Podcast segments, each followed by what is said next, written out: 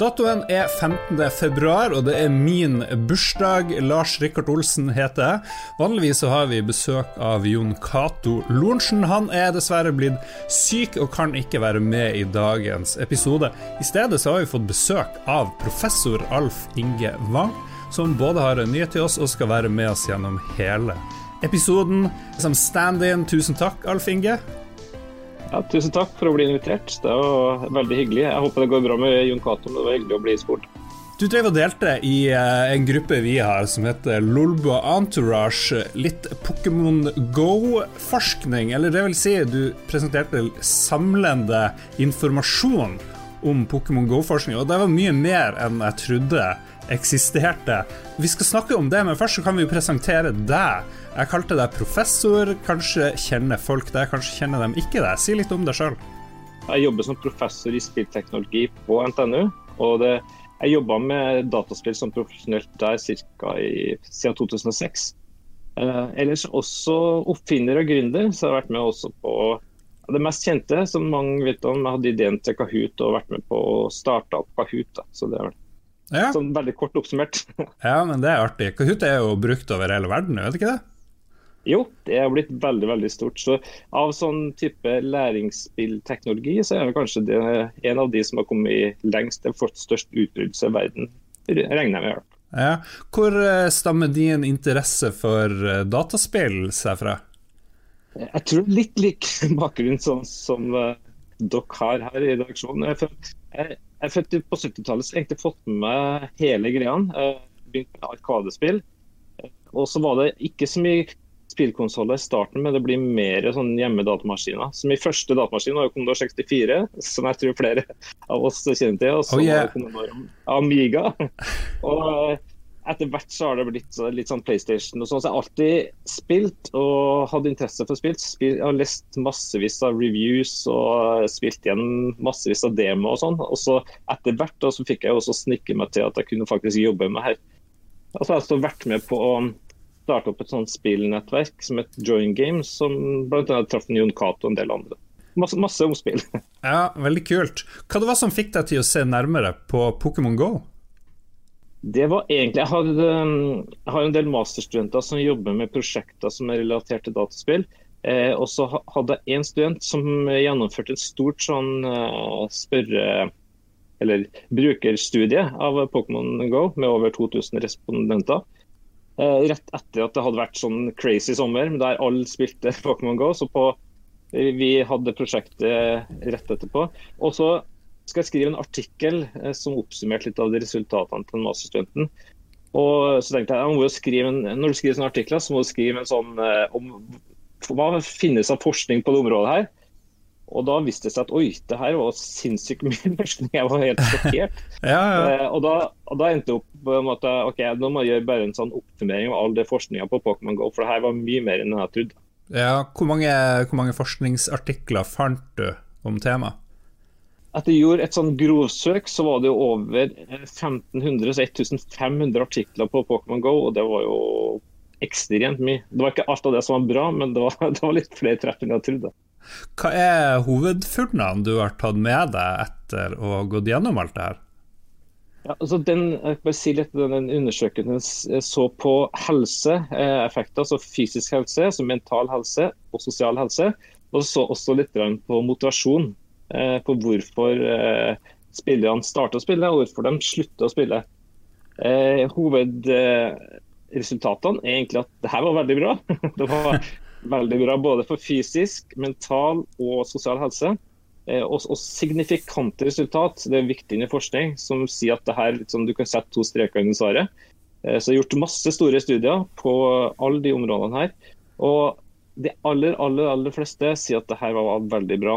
Eh, det eneste er at de så at når de var ferdig med å spille Pokémon GO, så gikk de tilbake til der det var før. Da. Så det var ikke sånn at mm. Hvis de fikk f.eks. en bedre fysisk helse, så for de aller, aller fleste så var de ikke De trena ikke mer eller var mer fysisk aktive etterpå. Så det, ja. det var min spill, spill jeg holdt på, da. Men er det vanlig å skrive så mye om et spill? Er det noen spill som du har sett at det har vært like stor interesse for? Eh, Jeg vet i hvert fall at det, eh, det, er veldig mye skrevet om World of Warcraft. Der var det, det er jo en del som har vært som World of Warcraft-forskere, som bare har drukna inn i World of Warcraft. Jeg vet ikke om det var en unnskyldning for å spille spiller, ja, det er jeg ikke sikker på. Men, men det, fall, det har skjedd ekstremt mye interessant eh, i World of Warcraft også. Så det er en av de spillene jeg har gjort veldig mye på. Og så finnes det også en del forskning på exagames og spill som gjør deg fysisk aktiv. F.eks. Dance Dance Revolution og en del av det andre. Så det er ikke, men Pokémon GO er nok en av dem som det er gjort aller mest på. Ja, var det noe som overraska deg, eller som du ikke hadde sett komme i, i, da du gikk gjennom alle de her rapportene? Det som var litt overraskende, var kanskje at jeg så på um, når det gjelder sosial helse, at det var også brukt som en måte å um, behandle uh, altså, uh, noen som har sosial angst. da. Ja. Så har faktisk spillet gitt dem et nytt liv. fordi at de, hmm. Bl.a. de som ikke klarer å gå ut og møte folk, så har de gjort det litt pga. motivasjonen av spillet. Så det er ganske stilig. Også en annen ting som jeg syns var litt kult, det er at de som var minst måte, fysisk aktiv og kanskje minst sosial aktiv, ble det fra uh, spillet. da. Og det er litt kult. De har brutt en del grenser for veldig mange. Ja, men hvis de slutter å spille det, så går de litt mer tilbake Går de helt tilbake sånn som det var, eller så man noe, noe tegn på at eh, det kanskje kunne bli tatt med videre? For de aller fleste så virker det som de gikk tilbake. Det er også noen studier som viste at de faktisk gikk lenger er tilbake. det er litt trist. Eh, men jeg tror nok det som er litt fint, er at mange tror jeg har sett muligheten. da. Det å sett faktisk det å være fysisk aktiv har vært egentlig ganske fint, og det å være mer sosial aktiv har vært fint. Så jeg tror nok det, også for mange så har det gitt en boost. da. Ja, her i Harstad, hvor jeg sitter for ikke så mange uker siden, så og det en politisak. Politiet deler ting og tang på Twitter, som kjent. Og da var det en kar i 50-60-årene som noen hadde meldt fra. Han drev og luska rundt på en, en lekeplass. Og så kunne politiet politi fortelle han drev og spilte Pokémon GO, alt var bra, alle var fornøyd. det, det, det, det har kanskje òg litt med alder å gjøre, det her. Det har kanskje, fenger kanskje litt bredere enn mange andre spill. Ja, Det er også en ting at du så at aldersspennet. Eh, når det gjelder sosiale helse, så også eh, familiebonding eh, ofte ble mye bedre. sånn at foreldre og unger, og besteforeldre og unger også eh, var mer sammen. De gjorde ting sammen, som er litt kult. Eh, også så, så oss hundeeiere, den gikk mer tur med hunden sin. Eh, og Det er litt kult også, så det, det hadde veldig mye positive der, også i forhold til vennskap. da sånn bedre, bedre bonding, faktisk.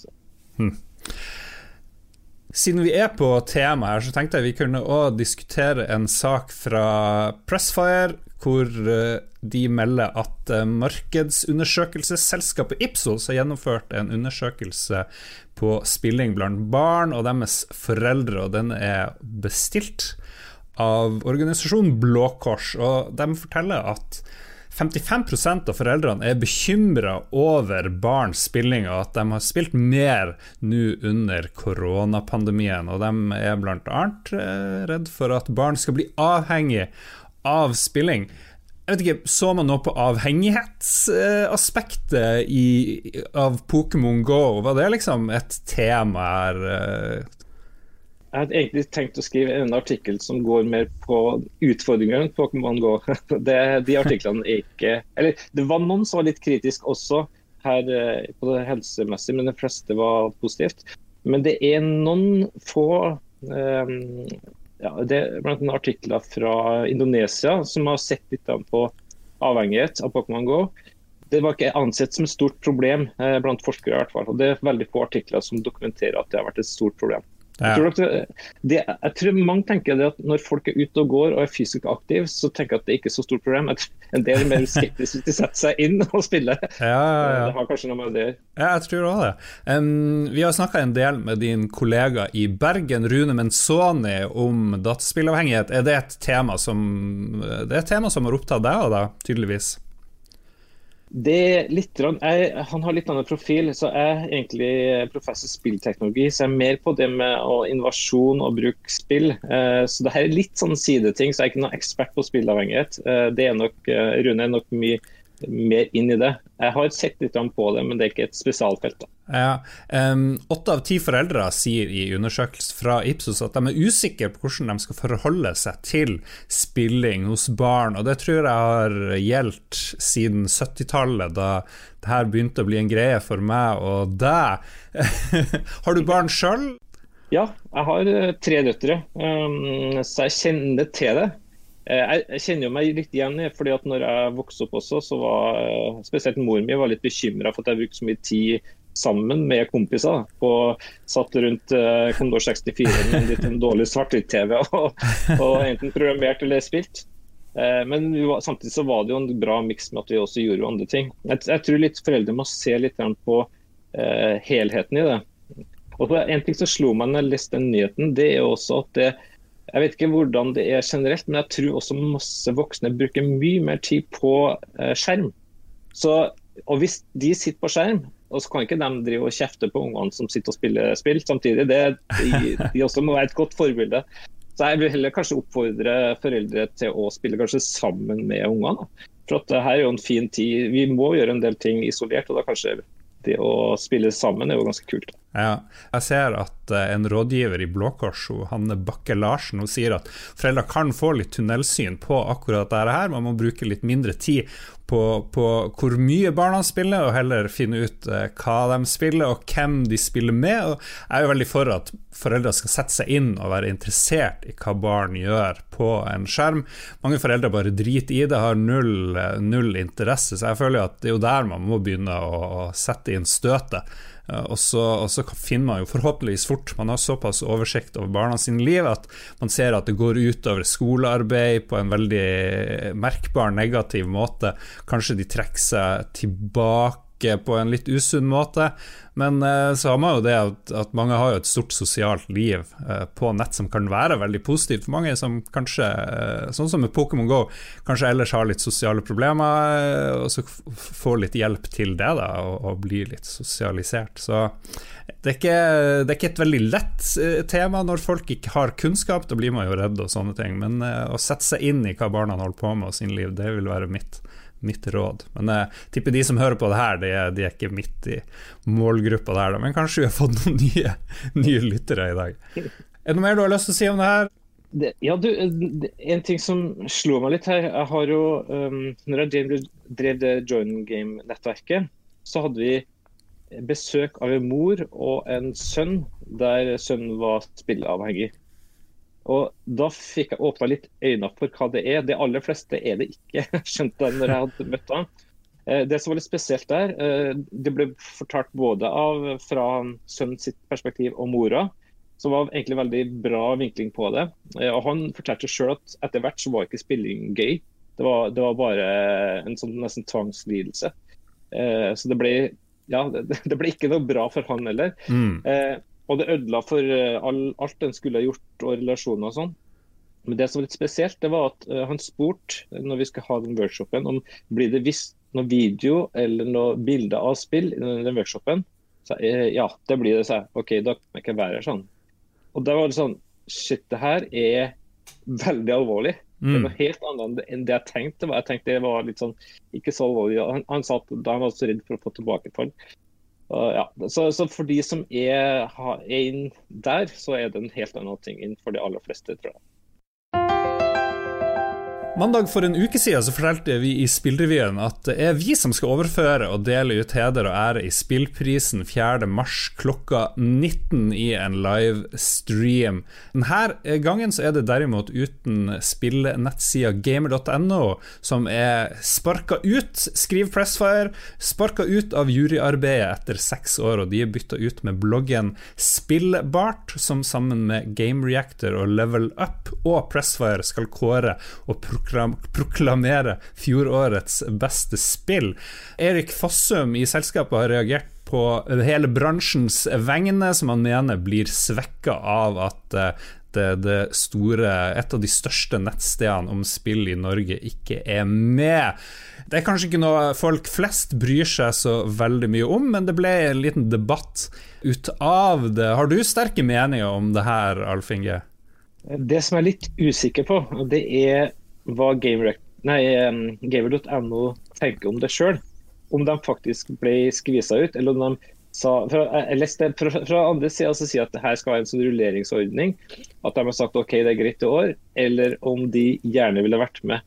Jeg syns det er litt rart, for uh, gamer.no er jo veldig anerkjent og stort. Så hvis de ble pressa ut, så syns jeg det er litt negativt. For jeg skjønner ikke helt poenget. sånn som um, Erik Påstum sa, så var det at de kunne ha bare utvida med hadde med gamer. Jeg kan ikke skjønne at det er et stort problem. da. Men det, det, det, er mitt syn. Jeg kjenner ikke all, all uh, infoen her. Uh, behind the scenes uh, er jeg ikke helt sikker på hva som foregår. Jeg er helt enig med deg om at vi burde jo egentlig snakka med gamer.no om saken, og vi har faktisk fått en liten prat med gamer.no-sjef Audun Rodem om saken, så jeg tror vi bare tar det hele videre med han. Redaksjonssjef Audun Rodem, hvordan reagerte du da du fant ut at dere ikke var i juryen i spillprisen i år? Min første reaksjon var litt overraskelse. Uh, fordi det kom litt plutselig og ut av det blå. Uh, jeg tror det var forrige mandag at uh, dere ble annonsert som en del av arrangementet. Som, som konferansierer, som intervjuere til dem som skal delta i prisen. Mm. vanligvis har vi hørt litt på, i forkant om, om kåringa sånn når vi har blitt tatt kontakt med for å være en del av juryen. så var det litt sånn OK, da enten så har vi ikke blitt tatt kontakt med, eller så er vi ute. Så jeg må finne ut av det. Så jeg tok da kontakt med, med arrangørene og fant ut at OK, vi er ikke med i år. Og da ble jeg litt overraska.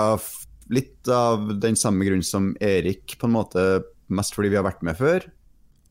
uh, og fordi at vi ikke har hørt noe på forkant. Uh, men bortsett fra det, så var det litt sånn ja, OK, men det er helt greit. Det er udramatisk for oss, egentlig. Det som eh, både Erik og også jeg da, også tenker, er at det er veldig fint med nye folk, men jeg er ikke sikker på om det er lurt å ta ut folk og ta inn folk hvert år. Jeg lurer på om det er bedre å få med flere i stedet for å fjerne eksisterende. på en måte. Men selvfølgelig, jeg er ganske inhabil her, siden jeg eh, for det første er den som har sittet i juryen de siste årene, og er den som ikke er med. Så det, det er veldig viktig å si det for min del. Ja, vi er alle inhabile her. Spillrevyen skal være med og presentere prisen. Og du er selvfølgelig berørt, så det må vi jo bare ha klart som premisser. Men spillbransjen i Norge er jo forferdelig liten. Det, det er ikke så mange hundre menneskene som er involvert. Så ofte er det jo sånn, men vi klarer nå å holde tunga rett i munnen av den grunn. Um, hva du tenker rundt spillprisen? Har den den posisjonen den, den bør ha i Norge? Hvordan bør den eventuelt utvikle seg fremover? Spillprisen, hvis jeg husker riktig nå, er noe som ble født litt etter at Gullstikka-arrangementet opphørte uh, for sju-åtte år siden. Uh, og jeg syns den er mye bedre enn det vi hadde før. Den er mer til for bransjen, den norske spillbransjen, enn det vi har hatt tidligere. Og jeg syns den har blitt bedre og bedre for hvert år, det skal jeg uh, ærlig innrømme. Det vanskelige er vel kanskje at den er litt insulær. Den er liksom litt for bransjen, av bransjen og til bransjen. og jeg antar at ønsket deres er å nå ut litt bredere, få med riksmedia på det, få litt mer oppmerksomhet utad. Jeg tror det er der utfordringa ligger. Selve prisen er veldig fin, med en fordeling mellom bransjejury og pressejury. Jeg tror det er en smart løsning, egentlig. Er det, noe, er det noe, man burde gjort organisatorisk? Burde, burde Gamer, burde Pressfire Jeg vet ikke, Burde pressen være en del av arrangementskomiteen? Det, det virker ikke som om det er sånn nå, da. Det er ikke sånn nå. Uh, sånn som det er nå, så er jo vi blir vært uh, Pressejuryen blir valgt av dem som arrangerer det. En, uh, vi har aldri vært på den tanken før tror jeg, med at vi skal ha en større definisjonsmakt på juryen, men jeg ser ikke på det som en negativ ting, egentlig. Det er, litt opp til, det er selvfølgelig 100 opp til hva de som arrangerer, vil sjøl. Uh, for min del så tror jeg godt vi kunne ha vært litt mer inkludert i det, og at det ville ha gavna det blir kanskje feil å si legitimiteten, men i hvert fall gavna selve arrangementet og, og, vår deltakelse i det. At vi har litt mer innflytelse, for da kan vi peke på det og si at det her er 100% det vi sjøl har gjort. Ja. Og det er jo litt det Erik kommenterer i kommentaren sin. Som Jeg, jeg syns jo for øvrig at kommentaren er litt udramatisk, for å være helt ærlig sjøl. Jeg syns han bare påpeker at det fins kanskje en bedre løsning. Det å ekskludere folk eller fjerne folk vil heller føre med seg det å at ja, man mister litt kanskje tilliten. Ja. Men, uh, så, så, jeg tenker jo at uh, vi godt kan være mer inkludert i utvelgelsen av jury, eller ha 100% autonomi. da. Men selvfølgelig, det er jo 100% opp til hva de som arrangerer vil ha av resultater. Det kan jo være like greit å spille ballen videre til Åse Kringstad, som er leder for Virke Produsentforeningen, som er hovedarrangør av det hele. Hva var det som skjedde da, da juryen eh, ble satt sammen, den pressejuryen til spillprisen? Det som skjedde var nok ikke så dramatisk som det det framstilles som. Eh, vi fra Produsentforeningen har jo vært inne i arrangementet av spillprisen tidligere også, men ikke holdt i det sjøl eh, alene tidligere. For det har vært Filminstituttet som har vært primusmotor der. Og så har vi en eh, spillpriskomité som består av tre spillutviklere og meg. Og vi har rett og slett bare videreført det rigget som har vært for spillprisen tidligere, med juryer bestående, to juryer, en fagjury bestående av ti personer fra bransjen, og en pressejury bestående av fire personer fra norsk spillpresse. Uh, og så når vi skulle sette sammen juryene i år, så gjorde vi et forsøk på å Eh, sette sammen andre personer enn de som hadde sittet i fjor. Altså, veldig mange av de som sitter i spilljuryen er de samme, det er helt korrekt, korrekt. Men vi prøvde å få bedre kjønnsbalanse, det oppnådde vi. Så gikk vi ut ifra at vi skulle bruke de fire da, som har vært rigget før. Og det har vi fått til. Vi har to kvinner og to menn i juryen. Og det var egentlig hovedambisjonen å få en rullering. Eh, få litt nye stemmer, nye perspektiver inn. Og at vi tenkte at det kunne være en fin ting også for videre år. Og så eh, reagerte Pressfire eh, på det her, og noen lurte på er, er det noen grunn til at uh, gamer ikke fikk være med videre. Ja, altså Da må jeg først bare få avkrefte det at det var på ingen måte noen som helst grunn til å kaste ut gamer. De har ikke blitt kasta ut. Eh, dette her var eh, bare slik at vi så på oppgaven som at vi skulle sette sammen fire jurymedlemmer som representerte spillpressen. Eh, og det ble rett og slett litt tilfeldig at det ikke ble, ble gamer denne gangen. Som sagt litt ut ifra at vi også ønska å få en kjønnsbalanse i juryen. Men så ser jeg ut ifra den responsen som har kommet, eh, at vi selvfølgelig kunne håndtert dette her antagelig bedre og kommunisert bedre rundt det. Men, eh, men det var ingen, eh, ingen, dramatikk rundt at det ble gjort på den måten. Og vi ønsker selvfølgelig å ha gamer med i spilljuryen igjen for de kommende årene, og at vi fortsetter å rullere litt. Men så ser jeg det av den diskusjonen som har dukka opp, som egentlig er jo veldig bra. Da. For jeg tenker at det her betyr jo at spillprisen har har stor betydning for norsk spillbransje, og hvem det er som er med og juryerer. Og at vi kan se på, helt sikkert, på jurysammensetning. Det er jo ingenting her som er skrevet i stein. Det er ikke skrevet i stein at det må være fire. Og vi kan gjerne gjøre en større jury. Vi kan gjerne gjøre andre måter å rullere det på. Vi kan gjerne bruke representanter fra spillpressen sjøl til å være med på å sette sammen den juryen. Så her har det kommet kjempemange gode forslag som jeg tenker at vi skal ta med oss videre. Spillprisen har jo kanskje vært stort sett for spillbransjen sjøl. Ser du på noe mulighet til å gjøre den litt bredere og prøve å fenge og få med et litt større og allment publikum? Ja, jeg har jo det som en ambisjon, eh, at vi skal gjøre spillprisen mer synlig også i, eh, i den allmenne pressen, for å si det på denne måten. Eh, men vi er jo kjempeavhengig av å ha den gode spillpressen som vi har, til å skape både blest rundt det, men også være med å legitimere spillprisen. Så, så, det setter vi utrolig stor pris på. Og så vil vi jobbe med å få litt mer synlighet også i pressen i bredt. Og så kan du si at sånn som situasjonen ble i år, at vi må ha et digitalt arrangement, så får man ikke laget liksom den store halloien rundt det med rød løper, og at man kan intervjue de de som er til stede og sånn, som man ville gjort på samme måte i et, i et uh, fysisk arrangement. Men uh, nettopp derfor er vi glad for at vi har fått til det fine samarbeidet med Spillrevyen i år. Og at vi tror at det kommer til å funke kjempe, kjempefint denne gangen. Og så håper vi selvfølgelig at vi skal være fysiske igjen til neste år. For det er jo noe med, med den arenaen også, for å møtes, som er kjempeviktig. Mm. Så, så, det lengter vi etter. Og så håper jeg også selvfølgelig at de misforståelsene som nå har vært rundt eh, sammensetningen av juryen, har nå blitt lagt litt ned, og vi er veldig veldig mottakelige for alt av innspill og ideer. Og her sitter det spillutviklere sammen med meg som sagt, som har lagt ned masse arbeid for å få dette her på beina. Dette her er jo dugnadsjobb. Vi gjør det gratis. Det tilbys gratis. Så, så, her er det veldig mange krefter inne da, for å få dette her på beina til å bli så bra som mulig. Og så gleder vi oss som sagt til en spennende sending den 4. mars.